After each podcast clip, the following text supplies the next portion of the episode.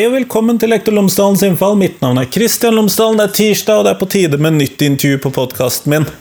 Denne ukens podkastintervju er med Per Einar Binder, professor i psykologi ved Universitetet i Bergen.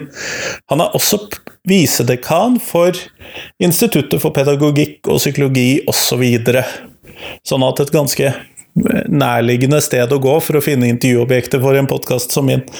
Jeg har snakket med han om livsperfeksjonisme, ungdom, psykisk helse og uhelse, stress osv.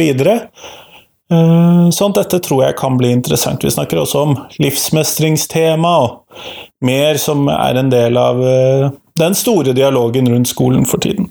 Så det tror jeg blir interessant. Her får du intervjuet, vær så god.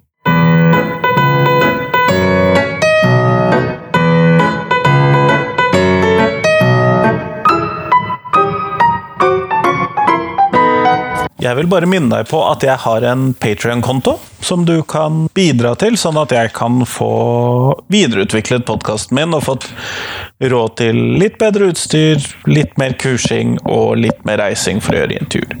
Den kontoen finner du på patrion.com skråstrek lektor Lomsdalen. Patrion.com skråstrek lektor Lomsdalen. Tusen takk!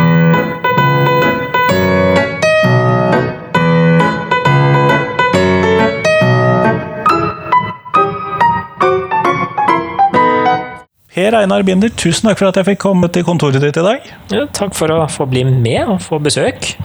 Før vi starter selve intervjuet, kunne du ha fortalt lytterne mine tre ting om deg selv, sånn at de blir litt kjent med deg. Ja, jeg er eh, psykolog og professor i psykologi, og har jobbet som psykoterapeut også, med barn og ungdom og voksne. Og eh, har jobbet med mindfulness-grupper grupper, selvmedfølelsesgrupper, særlig for studenter som sliter med ulike prestasjonsorienterte vansker, kan du si. Alt fra eksamensstress til perfeksjonisme. Ja, det kan det jo bli litt av. Det blir det en god del ut av. Så, og så har jeg forsket på disse tingene, så vi ser òg at ja, det er mulig å få til forandringer. Og på, på disse områdene her, som jo er en veldig, veldig bra ting. Og eh, som en eh, nummer to Ja, jeg liker jo å skrive. Uh, og eh, jeg skriver fagbøker. Uh, og ja, jeg har skrevet en bok for allmennheten også, ikke vær så slem mot deg selv. Og det, det syns jeg er veldig, veldig spennende. Jeg har faktisk også drevet med skriving siden jeg var i slutten av tenårene, da med tanke på å bli skjønnlitterær forfatter, så jeg gikk også forfatterstudie i Bø en gang i tiden. Det skulle vært avklaringsstudium, og jeg avklarte at jeg ikke skulle bli skjønnlitterær forfatter. Så, eh, men eh, jeg har tatt igjen på fagbøker. Og eh, en tredje ting Jeg liker å meditere. Jeg har drevet med meditasjon i en god del år, og liker å gå på fjellet. Og gjerne kombinasjon. Det er noe veldig meditativt i å være i naturen og gå på fjellet. Så det er noe jeg setter veldig, veldig stor pris på. Veldig berikende. Mm. Nei, men Kjempeflott. Tusen takk. Men du har et begrep som du kaller for livsperfeksjonisme. Og det leder jo kanskje litt tilbake til noe av det du sa i introduksjonen her, men eh, kunne du forklare hva du mener med begrepet? Livsperfeksjonisme, det tenker jeg er den totalpakken rekken av vellykkethet som er blitt en norm. Som jo innebærer at du skal gjøre det over gjennomsnittet godt på skolen, bare for å ta en, den delen av livet. Gjerne best. Gjerne best, ikke sant? Du skal ha en spennende og utvikle karriere når du er i den delen av livet. Du skal alltid ha en veltrent og sunn kropp. Du skal bevare sommerkroppen til du er langt ut i 80-årene. Og eh, ja, hvis du har barn, så bør de være talentfulle og eh, populære blant sine venner, være i en god sosial utvikling. Og eh, du skal faktisk også ha et uh, smakfullt forbruk, i hvert fall. Og noen steder skal du også ha et visst nivå av forbruk. Og du skal holde på med noe utviklende og interessant på fritiden, rett og slett. Det, og reise et sted og bare slappe av, uten at det går an å lage en interessant oppdatering om det på sosiale medier. Det er jo ikke spesielt Noe mer enn bare dette strandbildet? Noe mer enn dette strandbildet. Så, så det er denne totalpakken der, og ja, folk strever med den. Folk er forkavede, og folk er slitne. Og en god del er engstelige, og ikke rent få er skamfulle. For det er klart at når vi har et ideal om å være over gjennomsnittet, ja, så er jo om lag halvparten av oss ikke der, for å si det sånn. Og når det kommer til stykket, så er jo de aller fleste av oss, ja, alle av oss, er jo først og fremst vanlige. Det kan hende at vi har et eller annet felt vi peker oss litt ut, men uh, vanlighet er jo normen vår, da. Vanlige mennesker er vanlige? Vi er det. men eh, hvordan ser du at dette påvirker elevene, eller studentene er vel kanskje de du treffer mest til daglig, men også kanskje i forskning. Hvordan påvirker dette elevene? Det er jo en du kan si en perfeksjonismeepidemi ute og går. Og det er jo noe som eh, psykologer og journalister kanskje et par lærere òg, ja, har beskrevet en del år. Eh, nå har vi begynt å få forskning på det òg. Eh, at eh, ja, det er slik at perfeksjonistiske trekk blant unge mennesker har økt. Det var en britisk studie som kom for ikke så lenge tilbake siden, som viste at det hadde vært en økning fra 1989 og fram til i dag, der folk unge mennesker er mer og mer perfeksjonistiske, og i den betydningen negativ perfeksjonisme. Altså for Perfeksjonisme kan jo være en god ting, å ha gode idealer, og la oss inspirere av de. Helt utmerket, bare gjør det. Men eh, det er akkurat dette her med når du begynner å nedvurdere deg selv, oppleve å ikke være god nok, og det er det tre former for perfeksjonisme. Det er en eh, selvorientert perfeksjonisme, der du har uhensiktsmessig høye standarder for din egen prestasjon. Som kan være vanskelig å oppnå, da. Som er veldig vanskelig, altså som uoppnåelige standarder, rett og slett.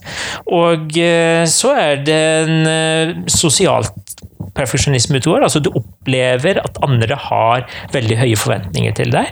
Og så har du en tredje form for perfeksjonisme, så er rett og slett å ha veldig høye forventninger til andre. Og alle de tre formene for perfeksjonisme har økt. Og det får konsekvenser. Eh, det betyr rett og slett at eh, veldig mange elever, eh, studenter, opplever å ikke være god nok opp mot sin egen standard, og opplever at de har forventninger mot seg som de ikke når opp til. Ja, fordi at de fordi at her skildrer du tre perfeksjonismer som kan eksistere samtidig, så vidt jeg skjønner deg. Ja. Men du kan også da mangle en eller flere av disse, gitt du kan ha bare to av de, f.eks. Absolutt, og bare én av de. Ja. Så for noen er det at de har først og fremst veldig høye standarder til seg selv, og ikke opplever så sterkt at det er høye forventninger fra andre. Uh, selv om de nok òg har vært det på noe tidspunkt, når de har fått disse standardene. Uh, og så er det jo igjen andre som kanskje først og fremst stiller veldig høye krav til andre. Og, men ikke nødvendigvis til seg selv? Til seg selv, ikke sant? Eh, men det blir jo mer et relasjonsproblem enn at det blir et problem for den personen sånn inni seg. Skjønner, skjønner. Men når vi da ser at uh, stadig flere elever har dette, eller at det er en økning i disse trekkene hos elever og studenter, mm. uh, hvordan påvirker det dem? Det gjør dem stresset, uh, og gir veldig mye grubling. Slik at, uh, at tanken blir gående og spinne på at dette her, her strekker jeg ikke til, jeg er ikke god nok, dette kommer til å gå galt. Det blir mye katastrofering rundt dette her. Det snakker med studenter om er jo ofte sånne type katastrofescenarioer. Altså de ser at noe Hva er det du er redd for, og så Ja, og hva, hva som ligger der. Det kan være eksamensdatoen som kommer opp, ikke sant. Og så begynner toget å rulle der med at ja, der kommer jeg jo til å stryke, ikke sant? Og så stryker jeg, og så må jeg gå en gang til. Og ja, og så Søren, stryker jeg da òg. Og så skal jeg gå tredje gangen, og da vet du at jeg ikke egentlig får flere ganger. Så jeg kommer til å være kjempestressa, og da stryker jeg igjen. Og så må jeg søke om denne fjerde gangen, og så dumper jeg til kullet under, og så blir han den raringen fra kullet over, som alle legger merke til der. Og så stryker jeg på den òg, og så skal jeg ringe mor og far og fortelle om dette her. Og så, ikke sant, så ryker jeg ut av studiene, og så blir jeg ingenting. Så ender jeg på Nav og ender opp på en, en kjellerhybel. Og og alt og dette da- før første eksamen. og ja, og da ble jeg jo ikke gift, ikke sant? Så, ikke sant? så det, det bunnløst, det scenarioet der. Og ja, folk har den type scenarioer. Og det utløses av, av tanke på eksamen. Det, alle har jo sine varianter. ikke sant? Men det som er befriende når eh, folk kan snakke om de scenarioene sine, er jo at eh, man får normalisert det òg. Altså at eh, folk går rundt og har mye irrasjonelle katastrofetanker rundt dette her. Eh, Og eh, ja, det er et resultat av Altså, resultat av en, et sånn perfeksjonistisk krav, men klart at nå har jo alle til alle tider studenter og elever vært engstelige for prestasjonene sine. Så Ja. det, dette her er jo ikke historisk enestående på noen helst måte. Eksamensangst er like gammel som eksamen. Det tror jeg på, Ja. for å si det sånn. Men eh, når man da Hvor kommer dette perfeksjonist, perfeksjonismekravet fra? Eh, Vet vi noe om det? Det er mer sånn som vi har hypoteser rundt. Eh, Der er det flere mulige kilder eh, som nå virker samtidig. Kanskje har vi litt the perfect storm, rett og slett. At det er veldig mange elementer som trekker i perfeksjonistisk retning, dessverre.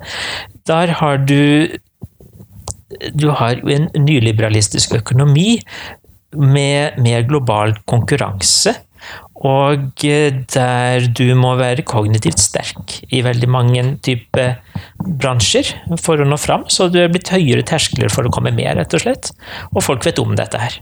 At eh, du må ha utdanning for å, å klare deg, og det er en konkurranse der ute for å få ting bra til. Og dermed må man klare seg bedre på studiemarkedet. Da må du klare deg bedre på studiemarkedet. Så, så det er nok én kilde der. Og eh, så er det òg at et samfunn i stor endring. Og det gir en del katastrofering òg, slik at eh, du får sånne avisoverskrifter på at disse yrkene vil forsvinne. Eh, Og det trenger jo ikke å være sant engang. Det som har skjedd her, det er jo at vi har sett det at på veldig mange studier så tror store deler av studentene at de ikke kan få jobb etterpå. Altså Hvis man ser på hvor forsvinnende få studenter som går på Universitetet i Bergen og sliter med å få jobb, så er det jo helt eh, irrasjonelt. Men, men det er akkurat det som pågår nå, fòrer den typen angster. Så, så det er én kilde. Eh, og så ser vi òg tendenser til, og det ser jeg i en del andre studier, at det er mer prestasjonsprat mellom foreldre og barn. Slik at de, de snakker mer om det å få ting til, og skolerettede ting osv. Så, videre. så det skaper jo en type situasjon der barn, og da tenker jeg altså Alle er jo barn av foreldre, så, så det trenger jo ikke være i barndommen lenger. Nei, jeg får jo fortsatt råd og beskjed fra pappa, så det Ikke sant? Det, det fortsetter de med. Så, så den øh, ligger der også. Og så ser vi vel kanskje òg Nå er jeg på litt sånn Altså Dette her er jo ting som kan være kontroversielle, men kanskje er det en tendens til at barn i større grad er redskap for foreldrenes selvfølelse enn før òg. Altså, ja, Som en del av denne realiseringen som du snakket om i begynnelsen, at man skal også ha vellykkede barn i tillegg til å være vellykket selv. Ja, ikke sant? Du skal ha vellykkede barn, du skal fortelle om hvordan barna dine Er de i den alderen, så skal jo de selvfølgelig holde på med de riktige tingene der og på skolen og på vei fram og sånt. Og så eh, har du den som studerer i Australia og skal bli lege, eller hva det er. Ikke sånn seinere der. Du, du er en del av hva foreldrene dine forteller om der, og ikke bare det, men du er gjerne en del av hva de stiller ut på sosiale medier også. Og det er klart at da ligger jo det der òg en angst for å skuffe foreldrene sine. Det som studentpsykolog, ikke sant? jeg har jobbet mye med studenter også som psykolog, så, så syns jeg jeg hører mer historier om denne angsten for å skuffe foreldrene enn før. Og eh, der har vi nok òg en kilde der, fordi at generasjon prestasjon snakker man om, men det er jo ikke bare unge mennesker. Det er jo absolutt hele gjengen, det. Det er hele samfunnet.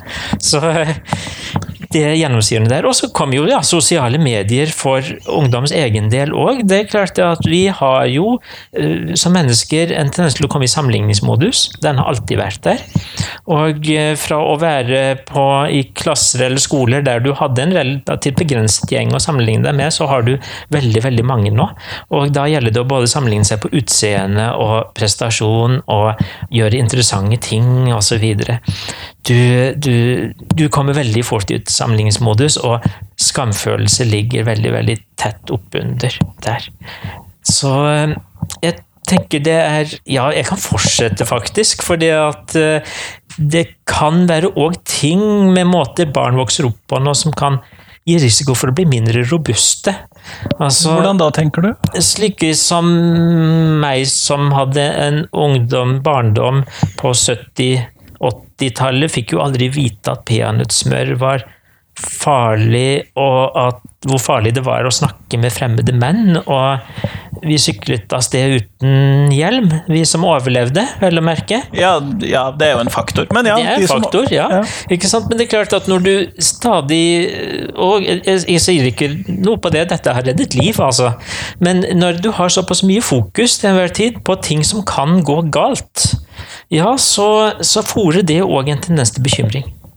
Slik at du har fått noe på dette her. Det har nok reddet liv, men eh, du har òg fått et samfunn rett og slett, som ikke skiller seg veldig godt mellom risiko og fare. For ting som kan ha en aldri så liten risiko, trenger jo ikke egentlig å være farlig.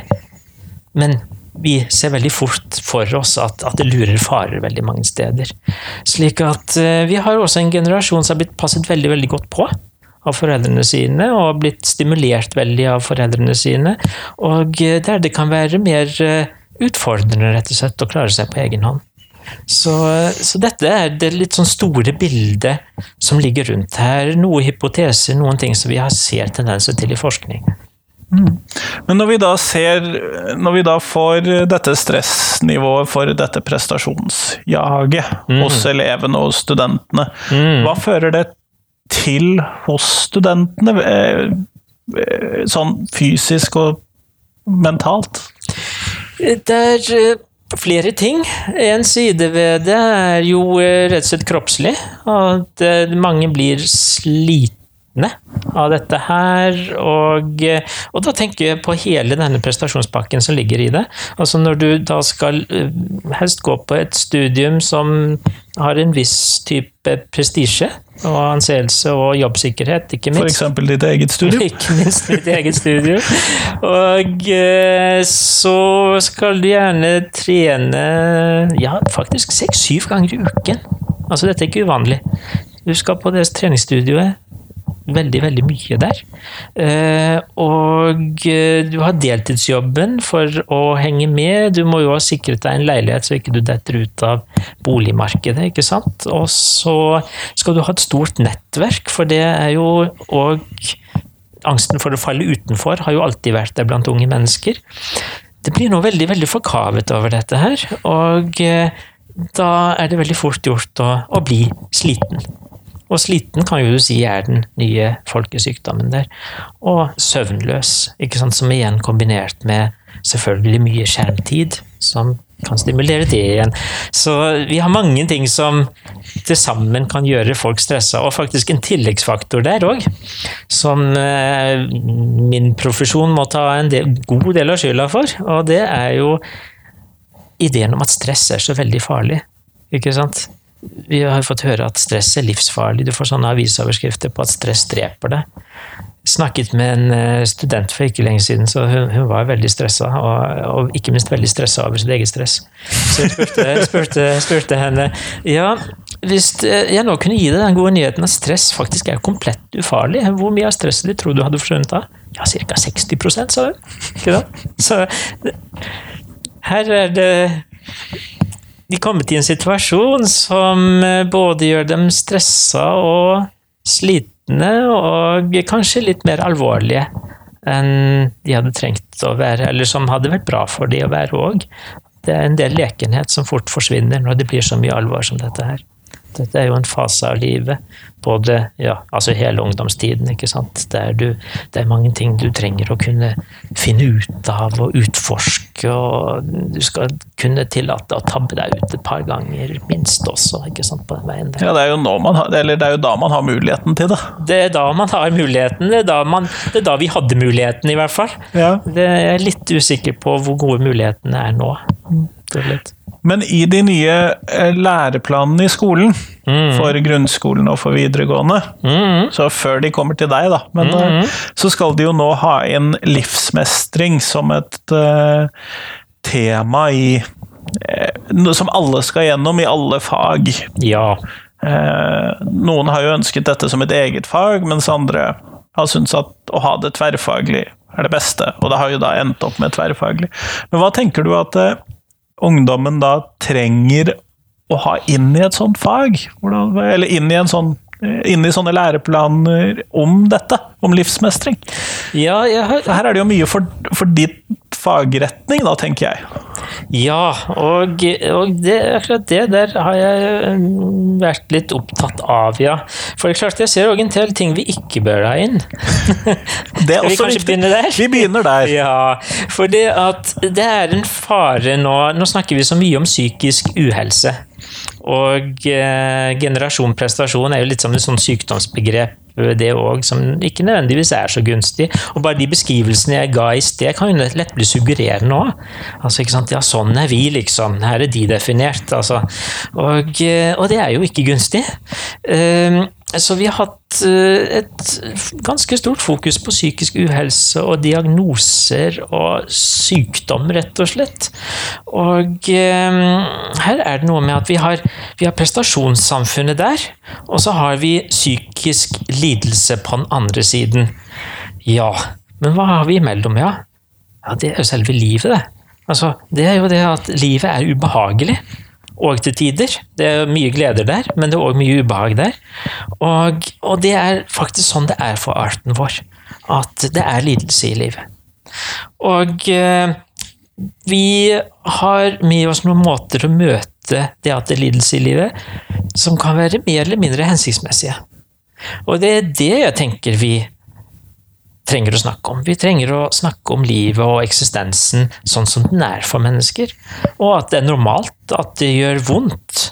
At det er ikke tegn på at det er noe feil med det. Det at livet gjør vondt. Tvert Livet er ikke problemfritt, og så Det er ikke problemfritt. Nei, det at du kjenner at det gjør vondt. Livet også gjør vondt til tider, eller et tegn på at det er noe riktig med deg. Det betyr jo at du er engasjert i ting, at det er ting som står på spill, at det er noe som betyr noe for deg.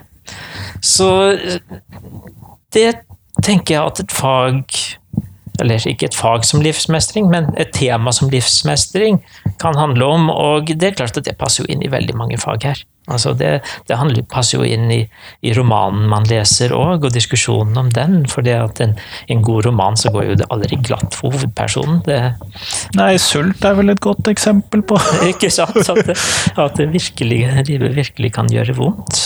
Så, så det å ha, kunne få gode samtaler rundt eh, det, eh, og ikke minst måter vi kan mestre de utfordringene på. Og jeg tenker jo òg det å snakke om verdier. Det er jo nok vært lagt for lite vekt på hvordan verdiene vi orienterer oss etter, også påvirker hele vår psykiske helse òg. Altså, materialistiske verdier er jo ingen eh, vinner når det gjelder livskvalitet. Det Tvert imot. Det en ser, er jo at eh, mennesker som, eh, som opplever høy livskvalitet, eh, har jo kjerneverdier som handler om å gjøre noe for en større sak. Koble seg på noe som er større enn en selv. Noe som handler også om andre mennesker og deres liv og deres velvære. og Gjerne naturen eller dyrene. Altså? Disse, disse sakene som peker videre. Eh, Så hva hjelper unge mennesker til å bli bevisst hva kjerneverdien deres er? rett og slett. Eh, og det ikke da, som, ikke sant? Skal jo ikke si at man bare gjør det for den psykiske helsens skyld, for det blir veldig veldig tragisk hvis vi skal Og ganske instrumentelt. Ja, og reduserende. Så dette her er jo for verdiene og livets egen skyld. Eh, men det er klart det at det òg har en, en gevinst på, på psykisk helse. og Livsperfeksjonismen er jo en verdikrise. Det er jo en, en verdi som handler om at det viktigste er å være flink. Og eh, det er ikke noe vei til noe, noe rikt liv. Verken i en eksistensiell eller psykologisk forstand. Nei, og det er jo vanskelig å alltid skulle være best på alle ting. Det tar jo mye tid. Det tar veldig, veldig mye tid. Og eh, det går utover din mulige tilstedeværelse. Det går utover det å være på søk ikke sant? Når du har et eller annet sånn perfeksjonistisk ideal, så blir jo det det som styrer deg. Da får du jo ikke letet etter hva det er for noe som faktisk er viktig i livet ditt. Og Hvis du spoler teipen veldig langt fram, så, så har jo jeg det er jo ikke bare barn og unge jeg jobber med, jeg har jo også jobbet med mennesker som er voksne og, og eldre, og gjerne midt i livet. og får jo inn, har jo fått inn folk som liksom har kommet der at ja, søren òg. Altså, livet mitt har jo på en måte vært veldig, veldig styrt av andres forventninger, av ideen om vellykkethet. Og ja, så fikk jeg det til, så fikk jeg den bra jobben, da. Så fikk jeg denne flotte kona, og så, så opplever jeg nå plutselig at jeg nærmest har et fremmed menneske i huset mitt. ikke sant? Jeg, jeg vet jo, altså, Hvor dyp kontakt har vi nå egentlig hatt, liksom? Altså, og, altså, så, så det, jeg opplever jo at mennesker virkelig kan bli fremmed for eget liv òg, og at dette her handler òg veldig mye om om kjerneverdiene. Og det å kunne, kunne, finne dem, og det å utvikle sin identitet i tråd med dem. Og det handler vel kanskje da også litt om eh, å ha noen verktøy for å kunne stå imot prestasjonspresset fra både en selv og fra andre, da, kanskje? Ja, jeg tenker det. Og eh, igjen så er jo det det at prestasjoner er jo ikke farlig. Ikke i det hele tatt. Det er en utmerket ting å prestere. Ikke sant? Uh, bare ta et prestisjestudium, da. Altså, å bli lege er kjempeflott. Altså, utmerket ting. Men så blir jo det spørsmål Blir du det fordi at du virkelig tenker at du vil gjøre noe for andre menneskers helse?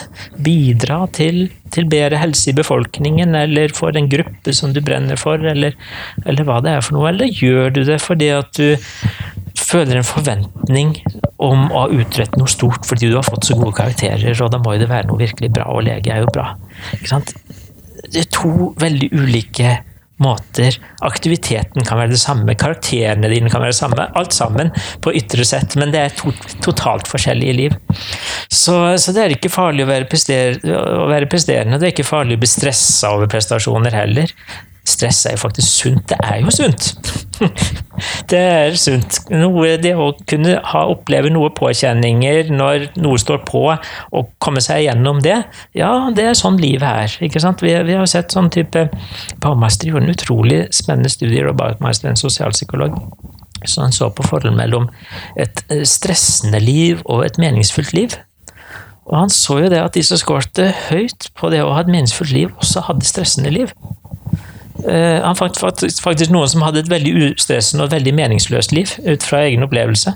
Slik at uh, ja, det å være engasjert i ting, det å oppleve at en uh, virkelig bryr seg om noe, det, det, det, fører med seg en del stress, men det er sunt stress. Du blir mer robust når du klarer å stå i dette her. Så, så, så, så prester gjerne. Men prestasjonspresset, det handler mer om en sånn trent ytre ytre forventning av typen 'du er kun bra nok om du'. Ikke sant? For den der, har du først begynt på den galeien der, så jo du, får du aldri en opplevelse av å være bra nok. Ikke sant? Det, det er jo alltid noen som er bedre enn deg, stort sett. Det er det, ikke sant. Det er det. Det er noen som har en bedre jobb, det er noen som er rikere, det er noen som har en mer veltrent kropp. Alt det der. Det kommer alltid til å være sånn. Så det premisset der kommer du alltid til å tape. Og eh, også det andre premisset der Du må gjøre dette for å fordi verden er så utrygg. Pass på. Pass på nå. Ikke slapp av. Pass på. Prester, ikke sant. Ikke fall av. Ikke fall av. Ikke Så noen har den der indre trusselen inni seg også. Og den er jo ikke god. Det, verden er ikke så utrygg. Så da, da trenger vi å jobbe med det å, å, være, og ikke bare gjøre. Det er jo det som er balansen her.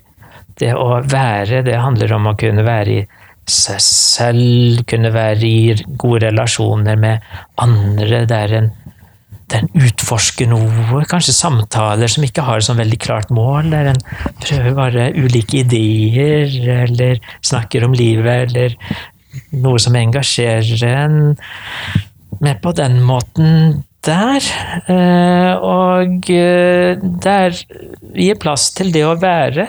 Ja, da kan det òg bli plass til det å gjøre, men på en god måte. En måte som er velfundert, som er velfundert i verdinivåer, i hva vi virkelig vil med livet, hva vi tenker betyr noe. Ikke bare fordi at man skal være best, eller fordi at andre, du opplever at andre forventer det. Ikke sant. Det er en, en kjempeforskjell. Det tror jeg på. Men uh, vi går mot slutten av podkastintervjuet, og da lurte jeg på for Fordi jeg stiller et fast spørsmål til alle. Mm. Det er mhm. hvis du skulle lage et nytt fag for norsk skole. Du skulle gi det et navn, og du skulle fylle det med et innhold. Hva hadde du lyst til at det faget skulle være? Hva skulle være Per Einars fag? du, jeg er nok redd at jeg tror ikke vi trenger noe nytt fag i norsk skole. Det er, det er, gode fag i norsk skole. Gode, lærerike tema.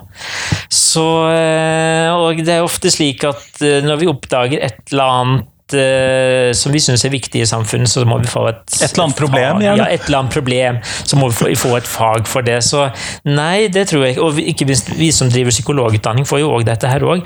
Hvorfor har dere ikke noe om, får vi høre stadig vekk. Og så må vi da si ja, hva skal vi ta vekk, da? Skal vi ta vekk traumer? Skal vi ta vekk depresjon? Ikke sant? Altså, det, det, man kan ikke bare fylle på. Sånn at eh, Nei, så det, det tenker jeg at det, det, trenger vi ikke. Men uh, det at vi trenger gode samtaler, og de passer jo inn i så mange fag, om hva kjerneverdiene er. Hva er det for, og hvordan skal vi møte det at uh, ja, det er lidelse i livet. Både vårt eget liv og i andres liv og i planetens liv. Altså, det her er jo det lidelse på alle, alle nivå. Hvordan skal vi møte dette her? Og selvfølgelig, hva er kildene våre til til glede og vekst i livet òg. Det tenker jeg er gode samtaler som, som unge, og ikke fullt så unge, og, og veldig voksne mennesker trenger. Så, men selvfølgelig noe spesielt med akkurat denne fasen av livet, der en skal gjøre de viktige valgene, og der identitet er i, er i utforming. Og i de samtalene der, ja, prestasjonskulturen som jo vi har snakket mye om, da vil jo den kunne møte sin motvekt i den typen samtaler. Og når vi har snakket såpass mye om prestasjon, så popper jo det opp i meg òg det at det er jo òg mange som ikke er inne i prestasjonskarusellen. Eh, eh, som, men som opplever ganske mye skam knyttet til også akkurat det. Å ikke være på. Og eh, ja det å kunne nettopp snakke om disse felles utfordringene er jo en måte å koble, koble alle på her det, det er noe vi, vi, trenger noe som, som vi kan, kan, utvikle felles og veldig, veldig sterkt akkurat nå. Tusen takk for svaret, og tusen takk for at du kom på podkasten. Takk for det, og stor glede å få lov å være med.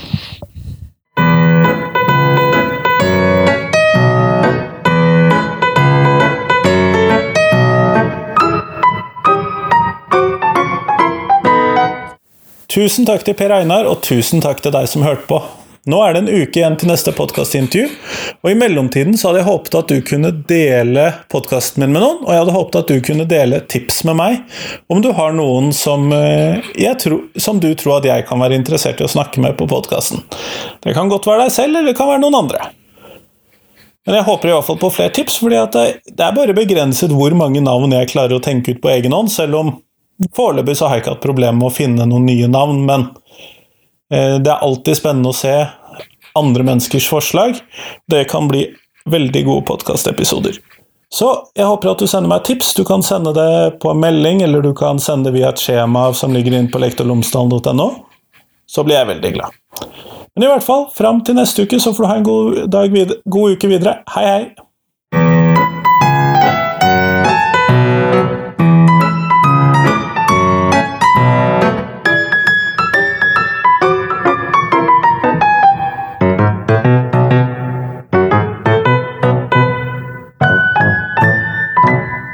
Helt til slutt så vil jeg igjen minne deg på Patrion-kontoen min. Du finner den på patrion.com skråstrek Så håper jeg at du kan være med og bidra til at podkasten kan videreutvikle seg.